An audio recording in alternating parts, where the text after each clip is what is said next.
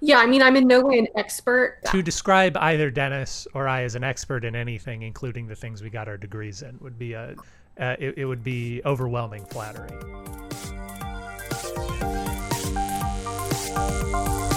Well, I'm not a crook.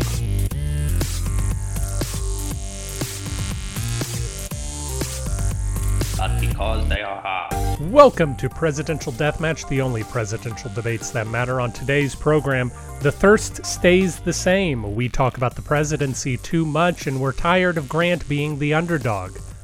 Emily Glankler joins us for a discussion on presidential rankings, and we do a Monroe debate because you have no choices and you'll take what we give you. All that and more on today's Presidential Deathmatch.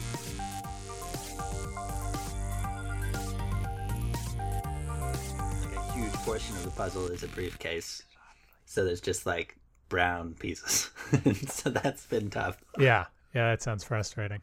But Dennis, we are in a new year, and if not for the uh, anti-democratic machinations of various elements of our elected government, we will uh, have a new president in in three weeks or so. We will be celebrating that on the podcast. It'll be a time of rejoicing, the induction of a new set of data for us to absorb and then turn into Yes. comedy for you. And this learning. podcast will be hosting the most important inauguration. The only inauguration that matters is Yeah. Biden's inauguration too. Indeed. this podcast. But but before we do that, we've got some some fun things on the docket today. We are going to talk about uh, as as Donald Trump is leaving office, probably for the last time. Uh, historically, presidents usually don't get reelected after they leave uh, after they've been defeated for reelection. But uh, today we're going to be talking about rankings uh, because now that Donald Trump is gone, uh, we are going to be thinking about where his legacy fits in the grand tapestry of the history of our country. And so we have invited on a comedian and historian friend of yours, Emily Glanker.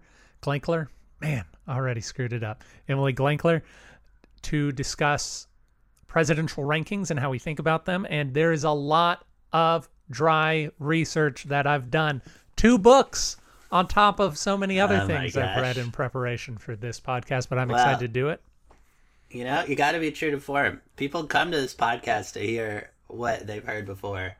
Uh, and so we got to bring it to them. That you is know? We got to give it to them.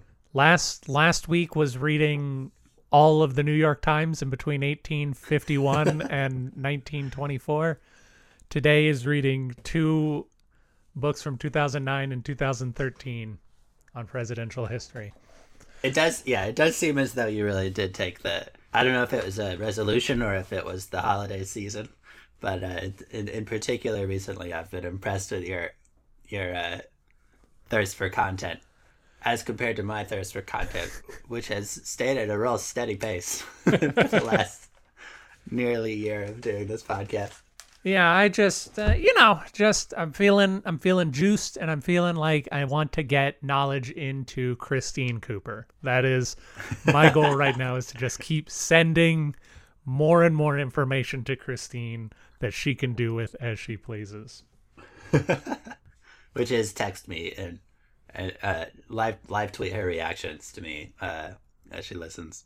Wonderful. Well, I can't wait to hear maybe what she thinks of this episode. but Dennis, we need to check in on our previous episodes. Uh, of course, two weeks ago, we invited Jessica Kelly Garrett and Carolyn Cooper on to discuss which presidential couple would throw the best Christmas party, and the people spoke resoundingly in favor of the Eisenhowers. It seems as though a Hey. stodgy, boring, military-esque Christmas is is what the listenership of this audience likes instead of a, a cool cat, slightly uncomfortable, uh, you know, knee-high boots affair that the Kennedys would do. I think what our audience likes is an underdog. They like they like a, a, a good intelligent argument, and more often than not, a good intelligent argument is one where the per- you or I felt like we had to be extra creative. You might be correct because I was surprised at the results of last week's discussion, which presidency was the most looked forward to, because I honestly thought there was no way you could lose with FDR just because it's so big. And yet, powerful as the Eisenhowers were winning, Grover Cleveland is dominating Oh my god! which presidency. So so maybe maybe they are looking forward to an underdog. In which case, I picked a great guy for today. Dennis, this is usually where we would tell you who we are debating today and give you some biographical information about them. But today is a two-parter and there will be no debate in this episode, so we are going to save that talk for next week and now we're going to move straight on into retractions. Do you have any before I talk about mine? Well, I had one retraction, which was uh, that you last time said that my family is always hanging in with me, so you always assume that I uh, that I will win. Right. And we were talking about this already earlier, but I I uh, I was thinking about it, and I really do. So I have family members who frequently abstain because um they're because they they don't think of it. and, I have, and then I have family members who deliberately vote third party, Nice. e.g., my niece. Yeah. Uh, so maybe I'll get Rydell's vote today. Yeah, since I pulled forward, and uh, yeah, and then I have a family member who tries to really be very true to what what they feel is uh is the is is the right one. A couple of those, a couple of mm-hmm, those, mm-hmm. Absolutely. which so Dennis said earlier, your family, much like the Republican Party, is just looking for truth and honesty. They're following the path wherever it may lead. It just happens to always lead to you. It's weird how how that happens all the time. Notwithstanding the fact that I'm winning by a fairly large margin in this week's. exactly. But yeah. but yes, Yeah, uh, like- of course, Dennis and I have a lot of fun, and I never mean to insult the autonomy of the buddy thinking process. Oh no, yes, I kid, I kid. Oh, Carolyn wanted me to make sure I mentioned that I definitely did not vote in 2012 because I said maybe I voted, maybe I didn't. I don't remember too well. And Carolyn was like, "You're just trying to protect your reputation, you sad piece of crap." uh, she was like, "I remember helping you register to vote in 2016." So I was like, "All right." We had said that we didn't remember who ran against Zachary Taylor, but I imagine you you now you now do know. Do Lewis Cass. I was correct when I said that it was Lewis Cass. Indeed. Uh, Uh, Absolutely. who, who is a nice guy. I don't know that. Uh, He's trying was- to make it it, all right. something. It was all right. Uh, a lot of the Democratic Party in those days were really focused on keeping slavery a thing. So it's hard to know. That's not to say that there were no other accomplishments that they did or they couldn't have had sort of an overabundance of love in other areas of their life. But when a lot of what you're doing is about, hey, let's just just agree to disagree on whether black people are property or not. It's it's, it's It difficult. Yeah, it's a touchy, it's a touchy, difficult subject. Okay. So I'll go ahead and retract that now to save time for next week. okay. My retraction. So there were three, three. There were three fun anecdotes from last week's exploration into the New York Times that didn't come up in last week's. Uh, Dennis and I mentioned last week how a lot of times uh, people say that we are at the death of civility and that we have never been more disrespectful. How dare we say these things? We're in unprecedented times. And a lot of what we were talking about last week is how that's not exactly true. A, a lot of this has happened before. In 1889, which was when Grover Cleveland was leaving office, the New York Times made a note in the inauguration parade to say that a whole bunch of Benjamin Harrison supporters got drunk and just came and were yelling at Grover Cleveland while he was sitting in the parade.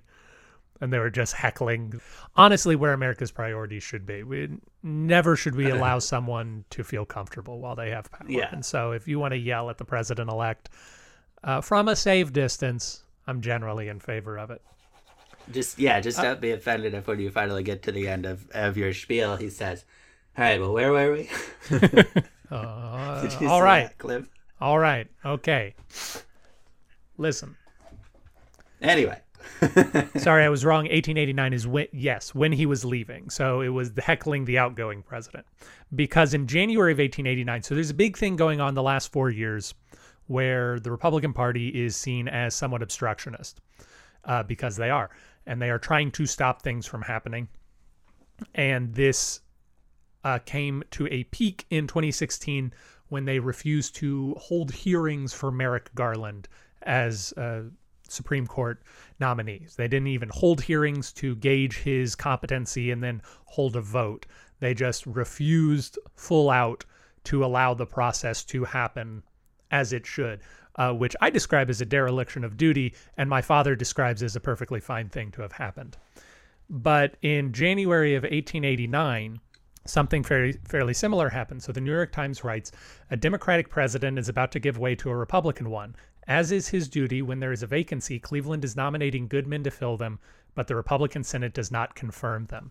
The New York Times made specific note that at the same time, in the previous administration, when Arthur was leaving and Cleveland was coming in, that Arthur was nominating people and the Republican Senate, many of whom were the same people from four years ago, were just confirming all the time. And yet, four years later, when it's a Democratic president nominating people, the Republican Senate is very hesitant, is dragging their feet, and is claiming some forms of impropriety.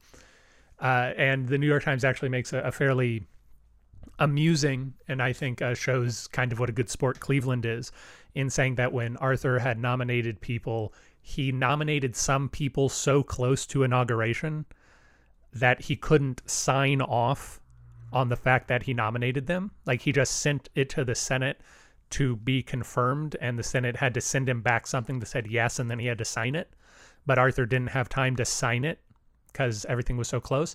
So that when Cleveland came in, he could have thrown away a whole stack of nominations and said they were not Ah. valid anymore. But Cleveland went ahead and signed them anyway Mm. because uh, he felt that they were done in the proper order. It's very Gerald Ford of him. yes. And then the final one that I, I feel is also fairly similar to what we've got going on today.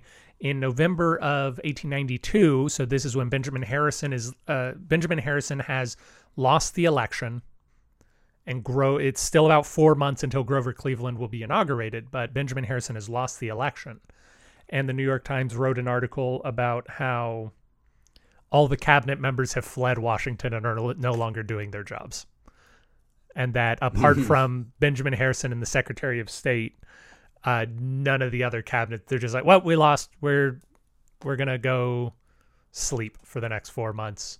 We'll let the country worry about itself. hmm Presidential deathmatch regrets the errors. Thus ends our retractions. Uh, welcome back. We are now joined with Emily Glankler, who is the host of the podcast and YouTube channel Antisocial Studies. Emily, thank you for joining us today. Hey, yeah, thanks for having me on. Emily, can you tell us a little bit about antisocial studies and what you do and what you like? Yeah, so I'm a historian and a high school history teacher, and I just realized I'd been teaching for about 10 years, and everyone that I talked to when I said I was a history teacher either said, Oh my God, I hated history in high school, or they said, Oh my gosh, I wish I remembered anything. I wish I'd paid more attention. And I it took me like a decade, and then I realized, Oh, hey, I could help with that. So I started making a podcast, and the idea was just to give an overview for people who, you know, are like millennials in their 30s uh, and don't remember anything from high school history. And then it's kind of grown into a podcast and a YouTube channel where I help current students understand history better, but then I also try to make content that helps, you know, fully grown adults remember who the heck, I don't know, Teddy Roosevelt was. Right, So, which is very yeah. important as we're going to learn today. Uh, so, in that case, what is your do you do you come into this discussion? Obviously, Dennis and I like presidents a lot. Do you come into this discussion with strong feelings, either for or against the American presidency? Do you think it's overrated, underrated, overblown, not Well- sexy enough? Any of these things? I think it's talked about too much, but I understand the irony of saying that on a whole podcast. It's it's not so much irony as just an insult, but, But I uh, do- I'll take it. I do think so. I just I will say as a teacher, um, I do experience that you know a lot of the people who tell me like, oh my gosh, it was so boring. It was just because it was just about like facts. It was just about like this did this thing and then this date this happened. And I do think that that is people tend to oversimplify by only talking about the presidents, which is not what y'all do. And so I really love like social history, right? I really love like what was going on in the culture and what was going on with like regular people and with women and people of color. And then we just like hit on the presidents sort of to kind of hit the high points. So there are a lot of presidents I just skip entirely. And I, I don't feel that bad about it. So Well, Yeah, I think that it actually is uh, funny though because we kind of do have that position as well, which is even even more ironic than you saying it is the fact that we say it frequently on a podcast where it's all that we do is contextualize history through presidents. So yeah, I definitely uh, get that, and yeah, it kind of goes hand in hand with something Aaron says a lot, which is that like by just just by being the like America's baseball pitcher and acting that way for so long, the influence of the president has started to, to grow in ways that weren't intended. Yeah, so that is, I will say, one of the themes of my class when I teach US history. There are two big themes that I talk about in my class, and one is the expansion of rights, but the other is the expansion of the power of the presidency. So that is like literally one of my two themes that I talk about all year. And it's also how I decide which presidents we stop and talk about and which ones we just skim right on by. Mm. Wonderful. Well, could we take a moment with before so so our topic today is rankings of presidents. Unless that coup comes through, fingers crossed. Uh, we are going to have a new president, and we are going to have to fit Donald Trump into the big stack of 44 dudes that we pretend matter more than everybody else in the history of our country. Uh, I uh, a, a decent theme of, of today's episode, whether it comes through loud and clear or just under the surface, is I think it's real dumb to rank presidents because we're dealing with, uh, we're trying to quantify qualitative assessment, which I think is a, a foolish endeavor. But What are we doing here? I'm uh, I'm a big clown, Dennis, and everything I do is to try and hold up a banana cream pie mirror to our society. But what do y'all, if you were creating your own ranking of a president, Dennis and Emily, what would be important to you? What would you consider? Because we're going to talk about different things that a lot of people consider today. Dennis, do you, I mean, I have mine, but do you want to go first? you can go ahead. Oh, okay. So, you know, I was thinking about it and I, I came up with three different top, I came up with top fours. For some reason, I could not figure, come up with fives, fives, and like the type A in me was, that really bothered me. So, but um, the three that I, the three categories that I came up with that really came to my, my brain were like effectiveness, like the ability to get stuff done, whether that's good or bad stuff. Um, changed the office. So, like, changed what it meant to be president, good or bad and then made the country better, which is like a little bit more, you know, like obviously we're going to come at that from different angles. But those were kind of the three that I think about the most. Interesting. I like that.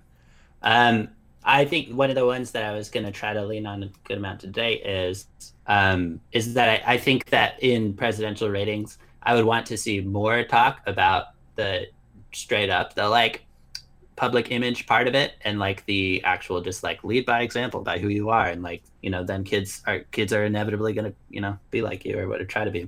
So i think that that's really valuable um and maybe under considered and i think particularly in this moment it's something that that i, I appreciate maybe more than i would have previously. And then yeah i would definitely agree on like ability to get things done but maybe i would i always always like to try to look at how could we measure humility in somebody and then um, especially in the position of that so much power and like are there examples of things that it's like yeah that person's probably pretty pretty humble and, and good at letting other people shine and uh and really yeah and then hi- and highlighting that and appreciating that making sure that that's factored in so i'd say that as well And for myself, I would probably say transparency, straightforwardness, and uh, restraint are the things that I'm most Mm. interested in in a president. Um, but let's dig into this. O- Of course, a name that I'm sure you're familiar with, Emily, is uh, Arthur M. Schlesinger. Uh, maybe, maybe not. No, okay, Oh, never mind. So, uh, a lot of times when we talk about presidential rankings, they are based in whole or in part on the surveys done by Arthur M. Schlesinger Sr. and Arthur M. Schlesinger Jr., who began the first presidential greatness ranking poll in 1946 and then followed up with a survey in 1967 and 1996. Uh, senior did the first one, junior did the next two. So, uh, when usually, unless someone has commissioned their own poll, they are using the data gathered from the 1996 poll uh, or basing their methodology on what the Schlesingers did. It is not a good name for me to be able to say a lot of things. Not good for in a row. podcasts. Yeah.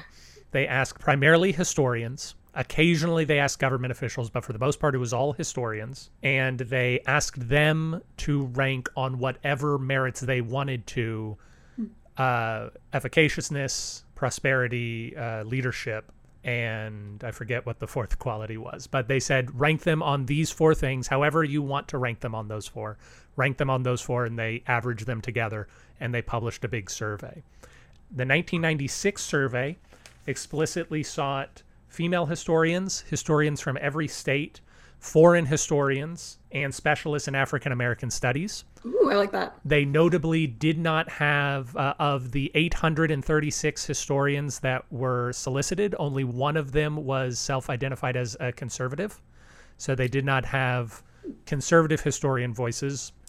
Uh, although other surveys done in between the 1967 and the 1996 claim that there is little ideological there's little difference in trends and that all those differences have to do with the more recent presidents hmm. that uh, uh. liberals will vote liberal presidents higher and conservatives will vote conservative presidents higher but for the most part anyone from before 1940 or so is ranked more or less the same regardless of of what you say that's what they say now from those from that methodology, uh, how do y'all immediately feel about it? Do we think that historians are the best judge of the greatness of characters in the past? I mean, as a historian, I say yes. Okay. But I, I, I think as a historian, if you are including a diverse array of historians, which is why I was interested in the 1996 or whatever group, because I will say as a as a younger woman in the field of history, even as a white woman, I'm like really rare. and it's like, so, and I mean, and y'all all seem like very kind and wonderful history dudes, but it is a lot, you know, it's a lot of history dudes. And so I do think there is, um, you know, there's just different things taken into consideration if you have a female historian or a black historian or a, you know, queer historian or whatever. So I think historians generally, more than political scientists or whatever, are the most equipped because we're really good at contextualizing and seeing the bigger picture as long as you make sure that group is like representative of yeah, the united states. Yeah. Yeah i think that i i think that would totally make sense that historians would be the best. One one of the things i was looking at they had a category that my understanding of it was basically that they were saying that this is their imagined position for this president when they think about the general public. So like they try mm-hmm. to come up with like a here's the public's conscious ranking uh, you know, the, this is the public consciousness for like how they rank presidents, and then saying, okay, considering that in this, now historians will go and look and like. See, that's interesting because I don't think historians are good at that. No, I don't no. think historians are good at gauging like what the common people, the plebeians, want. So that's really interesting. I but. don't know that any specialist is good at understanding. Uh, as as someone enjoys pointing out, somebody won the Nobel Prize in economics for positing a theory that the general public does not make perfectly rational decisions. And they said, oh my God, this changes everything. We didn't. Ha. yeah. As a counterpoint, I don't, uh, especially the way you put it, Emily, I'm not sure that I would explicitly disagree with your defense of historians, but I would be interested in what would happen if you asked uh, that same diverse array of historians to compile a report, and then they sent that report to military leaders or economists or uh, various people who have the expertise at what we are trying to judge. Because usually uh, people are trying to judge how well did the president do with the economy, how well did the president try to do with any number of policy issues. Yeah, uh, totally. An economic historian is definitely a big one because, like, it's so hard to tell how much president's decision making affects the economy and how much of it is like, yeah, like, you know, that happened because it happened or whatever. The results of the 1996 survey probably won't surprise anybody. Lincoln was ranked number one, with Washington and FDR tied for number two, rounding out the top five Thomas Jefferson and Andrew Jackson, 1996. Huh. Yeah. Yeah. That, it's, it's been 20, yeah. Years since then. We've gotten a little more woke since then. So yeah, yeah, like... yeah, definitely. It Although I'm not entirely certain that, uh, based on the criteria that you set forth before, Emily, that Thomas Jefferson and Andrew Jackson wouldn't be rank high on those because uh, you didn't yeah. necessarily say character. Made the country better. I guess it depends on who you're who you're talking about. But yes, right. I agree. Certainly, they certainly yeah. changed the office and they they changed the office. I mean, yeah, Jackson's like my number one. Changed the office for sure. Yeah, I I've got a different Yeah. guy for number one. I wonder if he'll show up later on in our discussions. Uh, but moving through a couple of the other big ones that your CNNs or your Quinnipiacs or whomever will do when they're trying to assess is just straight up favorability polling. They will ask uh, regular American citizens, do you approve or disapprove, or do you have a favorable view or an unfavorable view of such and such president? Uh, feelings on that methodology, if any. I'm going to sound elitist. I don't want to come across as like, I mean, I'm a high school history teacher, to be clear. I am not like an ivory tower history professor. But I do think it's hard um, because by asking favorability, and if we're going all the way back to George, that's as a high school history teacher, that is asking a lot of our education system Right. that people would actually know enough about Millard Fillmore to be able to decide where he goes. So. Exactly. Like or whether Nelly. or not they have any idea whether he did a good job or a bad job. I at the beginning of the year ask I do a little quiz. I do pop quiz on the first day Mhm. and I say one of my questions is did or did we not have a president named Millard? And it's it's a tough one. It is, and we're gonna hold uh, hold that little, little trivia nugget because we'll get down to that in a moment.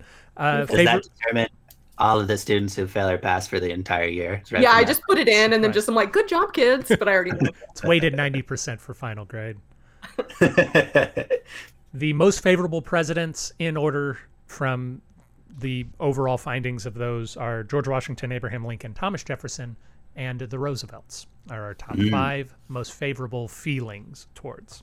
occasionally, people just ask uh, what I'm going to skip the uh, me trying to be uh, uh, objective and non-biased, and I'm going to say a really dumb question, which is just who is the greatest president? They will ask of people, and then publish that in a list as though asking who's your number one, and putting them in tells us anything about anything. Uh, but now that I've exposed my own feelings, how do y'all feel about the question, who is the greatest U.S. president, and using that to generate a one to forty-four list? I think that's dumb. but I think I think I do think as a historian, I would love to see that data. Like I would love to see all the demographics of like who said whom or whatever. I think the list is then meaningless, but actually the back end data would be like fascinating to look at. Yeah, it at the very least tells you public opinion data. Mhm. Yeah, and I, I think that it's. I still posit that it's interesting to factor that in. Would you like to guess who came in at number one of who is the greatest U.S. president? This president garnered 19% of the vote. 19% was the highest. I I have two. And your two Yeah, guesses are I th- I think it should be George, but I think it's going to be Lincoln. interesting. All right, then I'll take. Uh, I'll take George then. Give a heads or tails situation. You are both wrong. Is it FDR? Oh my god! Abraham Lincoln is the second most frequent at 14%. George Washington was not in the top three.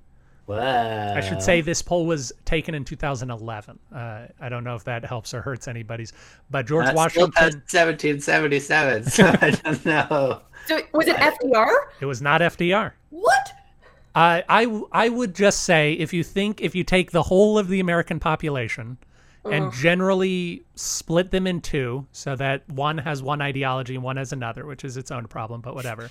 Does one part, one half of the country love somebody too Reagan? much? Reagan comes in at 19%. Uh, Yeah, the Republicans are oh have always been more united, Yes. right? It's like Republicans have always been, at least in the last twenty five years, more united. Where Mhm. Democrats like Yeah. will like argue about FDR versus Lincoln versus Teddy or whatever. Ugh. For Yeah. sure. yeah, But my I- entire uh, education in all of this is just from doing this podcast with Aaron over the last six months or however long. And uh, I do I do remember that coming up at one point. It's pretty interesting uh, observation that it's kind of been one and then the other for so long. potentially interesting other data from that 19% Reagan, 14% Lincoln, 13% Bill Clinton. Those are our top three in the 2011 poll. 5% of people said that they had no opinion on who the greatest U.S. president was. There were only 13 presidents of the total at that time, 43 uh, listed. Uh, Richard Nixon got less than half of a percent, but there were a fraction of people who said that Richard Nixon was the greatest U.S. president. I mean, they love their clean water or whatever. Yeah. Yeah. Uh, before we dive into our two big books. Uh, we have our penultimate rating system, memorability of the presidents. So you ask your students, did we or did we not have a president named Fillmore? Some people just ask, can you name how many presidents can you name? And they just see where the public consciousness is. So I would like y'all to guess who are the two lowest memorable presidents? Who are the two that show up least frequently? Out of every, it's out of everyone. Like some people manage to think of every president, so it's got all of them on there. It does have all of them on there. I will say that this was taken in 2014, so Trump is not on it. And the only president, this is surprising, which makes me suspicious of their methodology. Only Barack Obama has a 100% memorability rating. George W. Bush comes in at 98%. George Washington comes in at like 94%. But Barack Obama is the only one that everybody knew. Hmm. I'm There literally lo- finding out right now every president. My kids are like, no, that didn't exist, and there's a lot of them. So I'm struggling with it. We had a guest on the the other day. It was with Millard Fillmore, as a matter of fact, where he said, "Yeah, I heard you say President Millard Fillmore, and I thought, I guess I'm just going to have to trust him that that was the president that we had."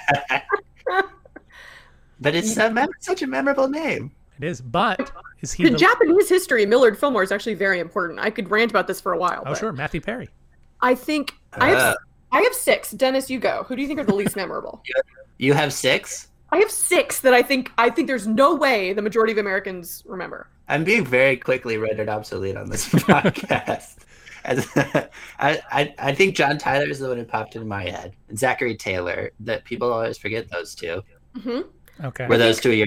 I had Zachary Taylor. I, for, I forgot about John Tyler, so I think that's valid. Pretty good. Then. It's pretty good. I think Benjamin Harrison.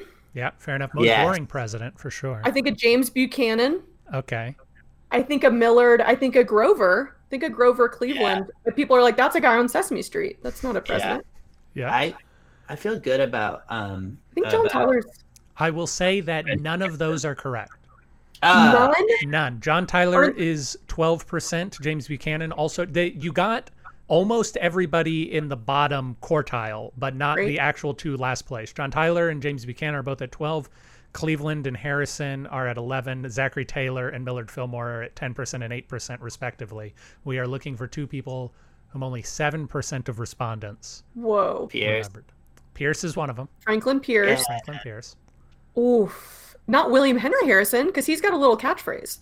No, Yeah. so they uh they did some tricky things. It seems as though they only asked people to write down last names because the Harrisons, Bushes, Johnsons, and Roosevelts and Adams are all grouped together on the same line. I contend they didn't know Uh, Benjamin Harrison existed, but yeah.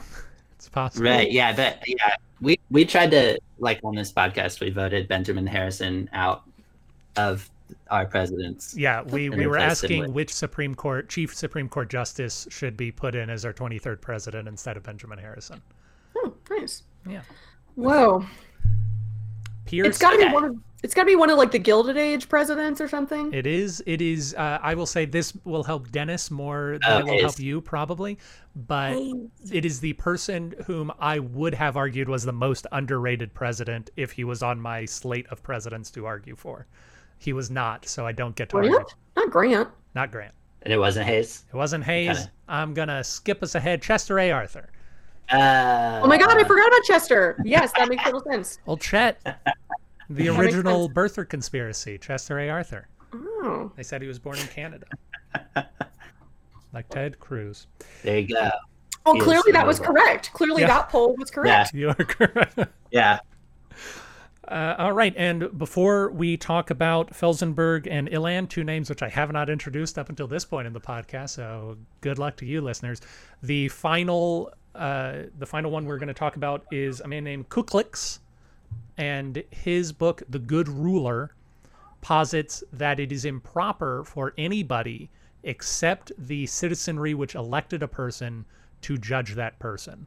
And so the only measure of whether a president is good or not is the feelings of the populace at the time of his exit from the presidency.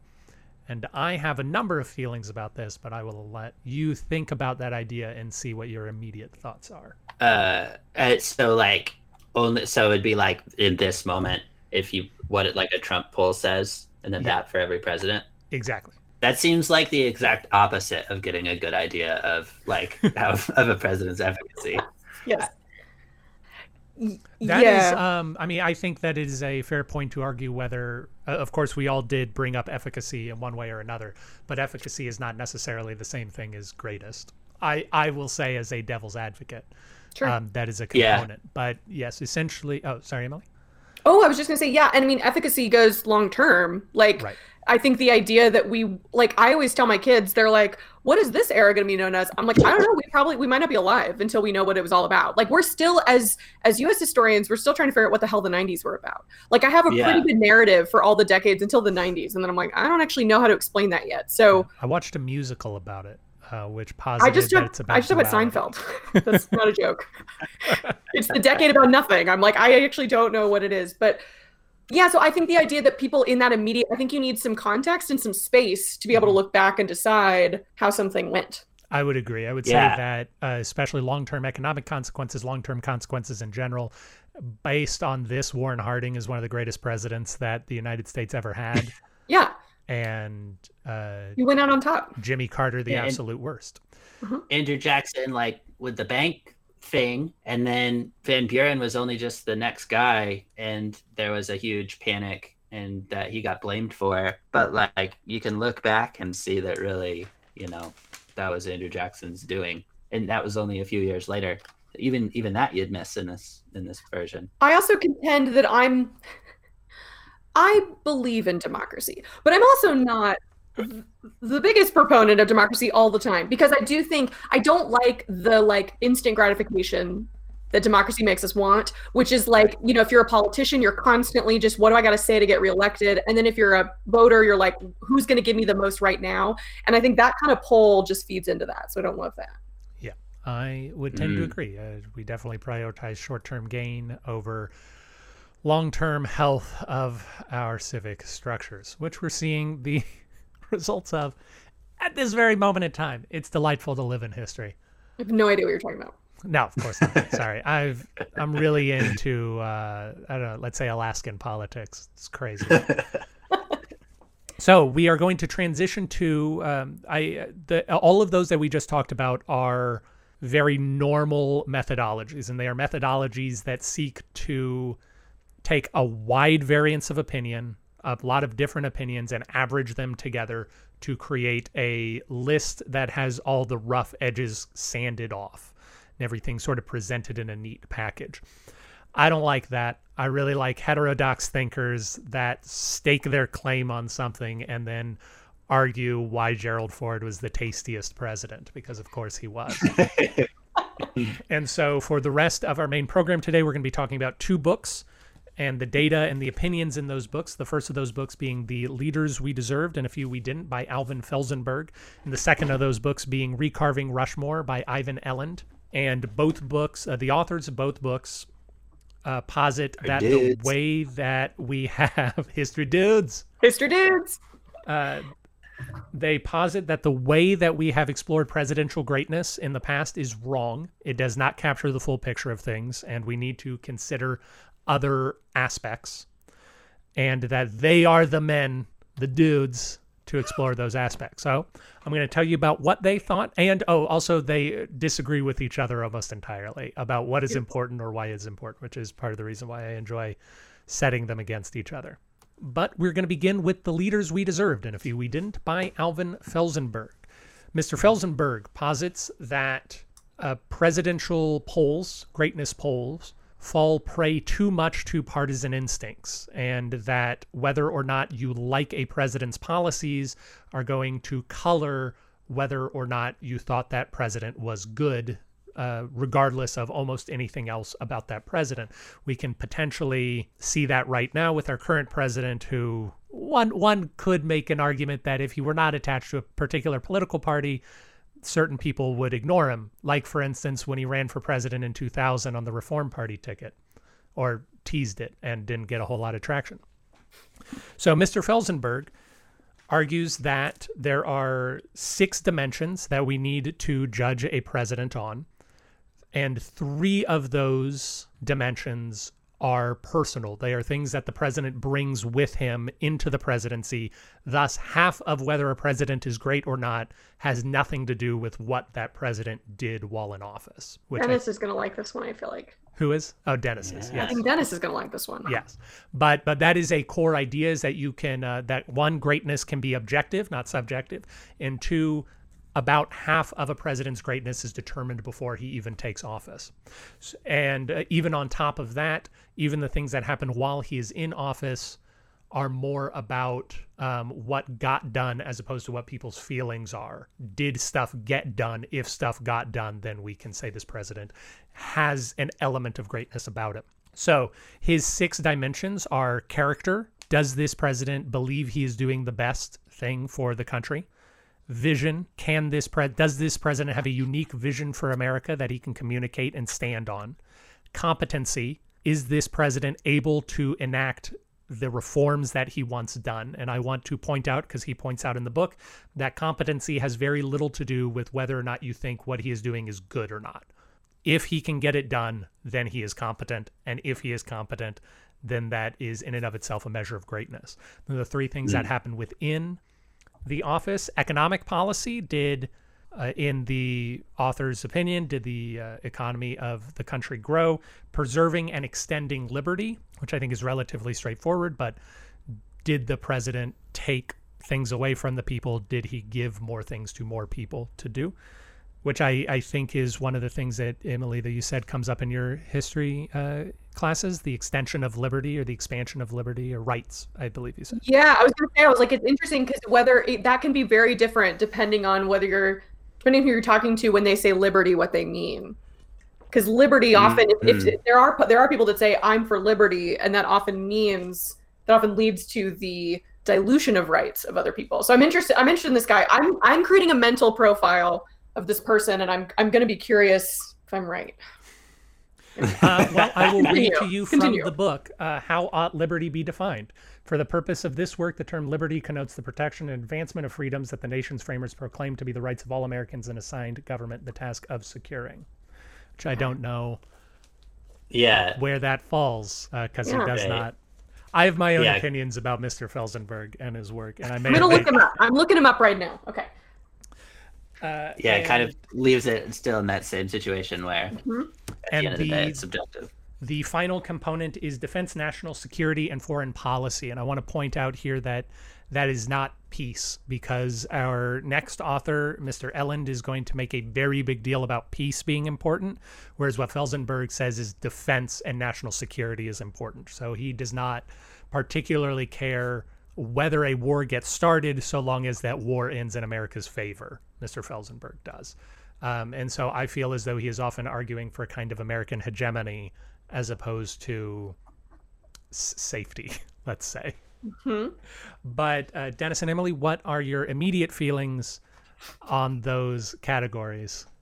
I feel really strongly against I'm I'm reading his Wikipedia page right now though, so I, I, I, need a second. I don't like this guy. I don't think I don't think this guy and I would get along at a party. Is I guess all I'll say. Okay, uh, I would love uh, for you to expand on that because I have not looked up anything on him outside of this work that he has. I was really hoping for a picture because I have a mental picture in my head, but I um this this again you're gonna think like you're never gonna ask me back on. It's like but this to me is the like dude bro older man that comes to me to party. Like I'm not kidding. When I I go to my husband's work events, he works for like, he works in like the financial industry and and older men who are like in their 50s, 40s, 50s, 60s find out I am a historian and they just make a beeline and I know what they're going to talk to me about. I know what they're going to ask me about. And I, this guy is that person where it's like, it's a very narrow view of history of like very nationalistic, did the economy grow? Like, whereas I, am thinking like, did people's standard of living get better? Mm-hmm. You know, which isn't always the same thing. Or so I just, to me, this seems very traditional. This seems like the very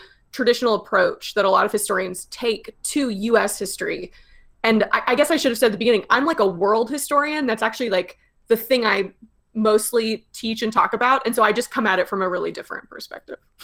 I, I would say that your description of him is very much the feeling I got while reading his book as well. Is just you think you know a whole lot and you think that like your brain can solve all of these problems and that mm -hmm. you see things what you're seeing is the same, but you see it even better. Like we're He's all the guy see- that if you go to his house, he has like a whole bookshelf, and one shelf is for D-Day, and Yeah. one shelf is for Civil War battles. a lot of Lincoln, a lot of Reagan. And then you try to talk to them about like social policy and the beatnik movement in the 1950s, and he's like, "What is this? What are you talking?" about? Yeah, So Not a I will say I have I, I I don't I guess I don't know that many people that quite fit that, but I lo- I, I would love to, to host that that person, but uh, that's me. I love all people. I Well, am I am yeah, My- how do you feel about these? I think so. For me, uh, I definitely agree with with that. I think that's a really good observation. I think what I'm curious about is like, is the presidency different from like a person? Because it's weird to me to define competency and then be like, and here's what I interpret the presidency to be is like economic policy, foreign policy, and um, preserving liberty. And so then it's kind of like, well, maybe then if we're just going to define the role and then have competency be a separate thing, that's kind of confusing to me because, like, if like, do you get what I'm saying?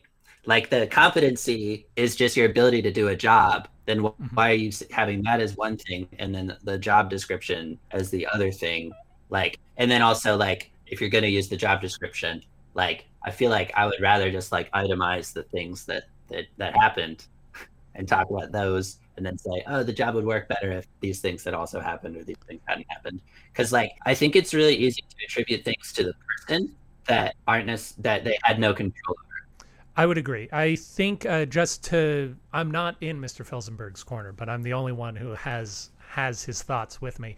I, Fair. I think that he would argue that competency is not just about the stuff that got done, but also uh, how charismatic are you, how effective are you at talking to the people and communicating, and also not just is stuff getting done, but is your stuff getting done. So it's connecting to that vision component that he had.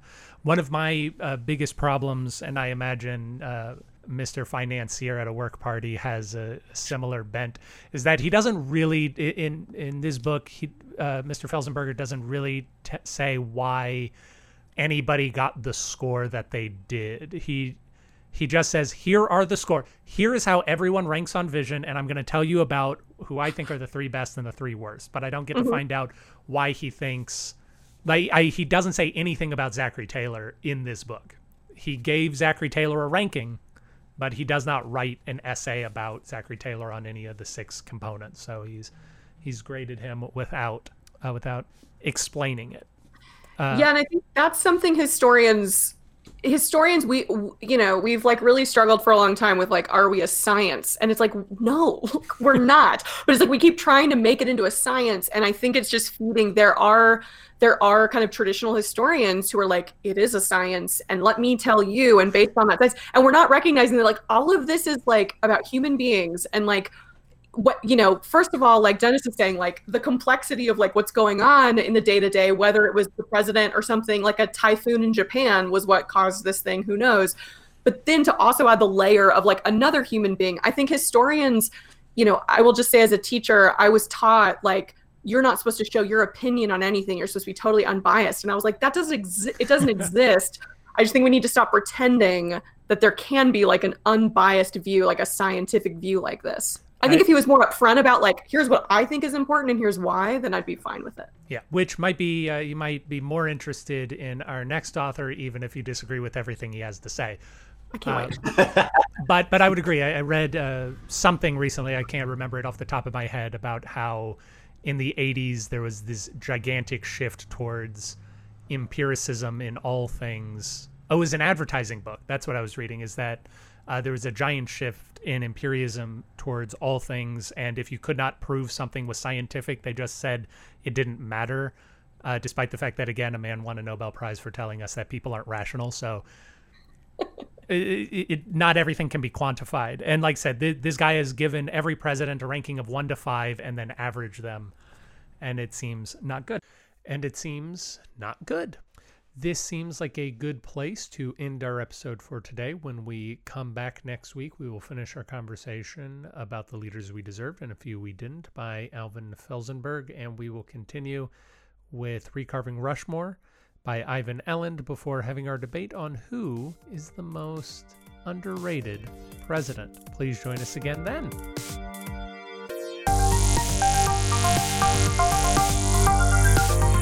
Thank you for listening to Presidential Deathmatch. Presidential Deathmatch is a production of Pronoia Theater. You can find more out about us at pronoiatheater.com. This program was edited by Aaron Garrett with music by Dennis Buddy and hosted by those same two lovable goofballs. You can always email us at contact at pronoiatheater.com. If you enjoyed the program, we ask that you rate and review wherever it is you found us. It really helps us out. And if you didn't like the program, why don't you stick around? We really grow on you.